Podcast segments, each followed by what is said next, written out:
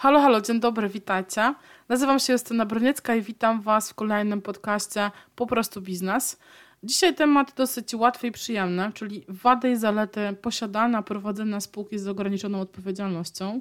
E, temat ważny o tyle, że często pytacie się mnie, czy spółka ZO mi się opłaca. E, prawda jest taka, że oczywiście ekonomicznie to jest jakby jeden aspekt, natomiast też pytanie, czy godzicie się na to, że będziecie ponosili jakby konkretne, e, takie czasowe główne pochłonięcia czasu związane z prowadzeniem spółki ZO, których najczęściej jest trochę więcej niż w przypadku e, działalności gospodarczej. Zacznę od tego, co ja lubię w spółce ZO. E, to, że spółka ZO ma osobowość prawną, co w praktyce oznacza, że jest traktowana przez urzędy, przez banki jako taki wirtualny człowiek, który ma swój NIP, ma swój REGO, czyli ma taki numer identyfikacyjny, jak my mamy swój PESEL, I to oznacza, że spółka ponosi odpowiedzialność za swoje działania. Oczywiście spółka jest wirtualnym tworem, w związku z tym e, nie może ona osobiście ponosić żadnej odpowiedzialności, no bo nie jest osobą, jest osobowością prawną, ale spółka reprezentuje zarząd. E, więc to jest trochę tak, jak my reprezentujemy swoje dzieci, dopóki nie uzyskają pełnoletności. Tak samo reprezentuje zarząd spółka, przy czym spółka nigdy nie E, będzie miała, nie będzie nigdy pełnoletnia, bo zawsze potrzebuje swojego reprezentanta. To powoduje, że macie dużo, mniejszy, dużo bardziej ograniczone ryzyko biznesowe.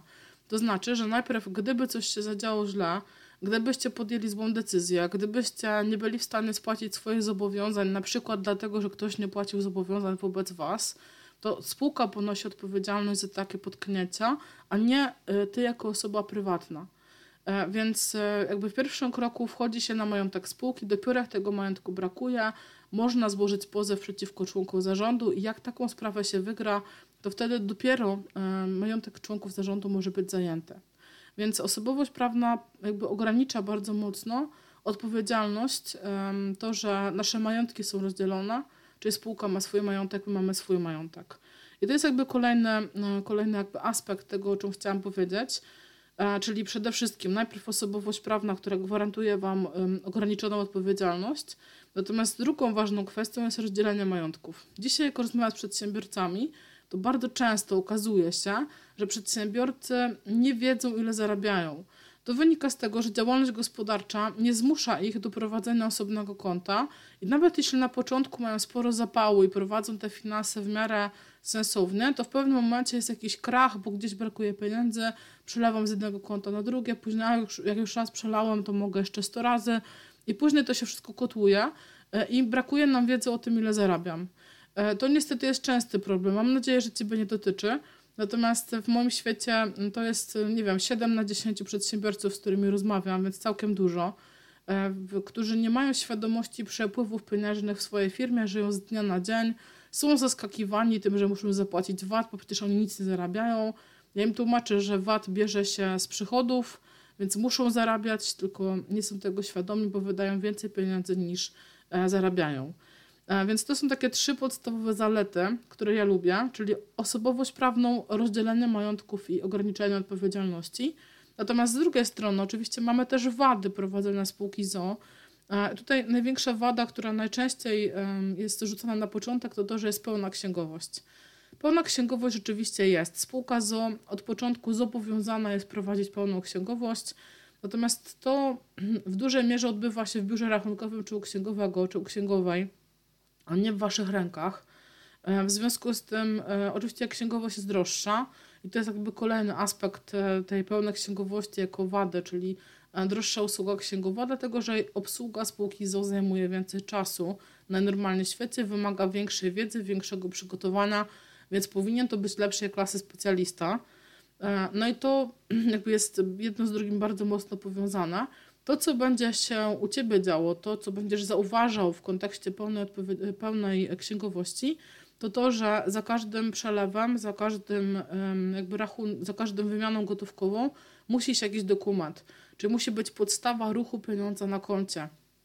To nie zawsze jest faktura, bo jeżeli podpisujecie umowę, jest ryczałtowa i co miesiąc płacicie zgodnie z umową, bo to nie będziecie co miesiąc podpisywali nowej umowy. Natomiast mam, mam na myśli to, że pieniądze nie mogą sobie wędrować bez powodu. E, musi być pod wszystko jakiś powód, jakiś dokument, jakieś wyjaśnienia. Oczywiście, szczególnie dla tych, którzy przechodzą z działalności na spółkę, ma to na początku bardzo duży negatywny wydźwięk, natomiast po 3-4 miesiącach uczą się nowych procedur, uczą się nowego sposobu działania i to też powoduje, że są bardziej świadomi tego, ile ich spółka generuje dochodu, przychodu, podatków, lepiej dbają o swoje przepływy finansowe, dlatego że spółka zmusza e, przedsiębiorców do tego, żeby prowadzić osobne konto bankowe. No i e, to, co warto jeszcze podkreślić, to to, że spółka jest zdecydowanie trudniejsza w otwarciu i zamknięciu, e, szczególnie zamknięciu, ale zacznę od otwarcia. Spółkę ZO powołujemy przez umowę spółki. Dzisiaj to można zrobić na dwa sposoby: albo u notariusza, albo przez portal internetowy.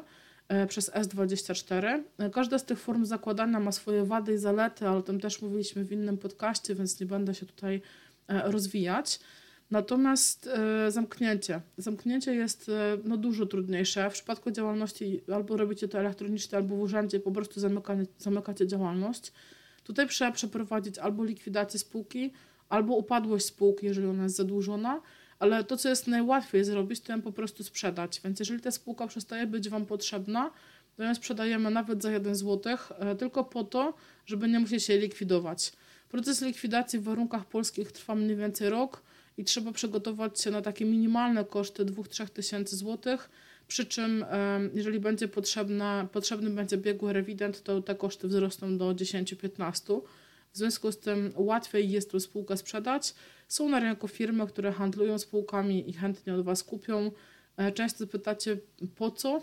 Dlatego, że niektóre firmy szukają spółki założone w konkretnym terminie, z konkretnym obrotem, z konkretną historią, pod dotacje, pod kredyty, pod jakieś projekty unijne. E, więc e, zdarza się, że szukają konkretnej spółki i takie spółki handlujące spółkami na tym zarabiają. A więc e, podsumowując, e, moim zdaniem najbardziej takie użyteczne zalety spółki ZO to to, że ona posiada osobowość prawną, z czym wiąże się ograniczona odpowiedzialność i to, że wasze majątki muszą być rozdzielone. E, z drugiej strony, jeżeli chodzi o wady, które najczęściej zauważają przedsiębiorcy, to pełna księgowość, a zatem wyższa cena usługi księgowej i to, że są zdecydowanie trudniejsze w zamknięciu i otwarciu. No i to, że trzeba pilnować każdych przepływów pieniężnych, to zwykle na początku jest wadą, a z biegiem czasu staje się zaletą, bo wreszcie przedsiębiorcy wiedzą, ile zarabiają. E, tymczasem pozostaje mi życzyć Wam udanego dnia e, i do usłyszenia następnym razem.